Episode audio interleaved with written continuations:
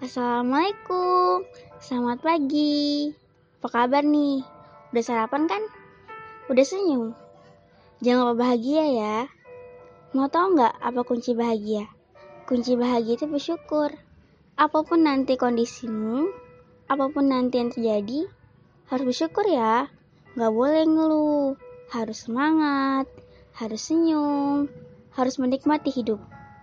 Karena hidup cuma sekali loh ada saatnya nanti kita akan kembali ke tempat yang paling indah.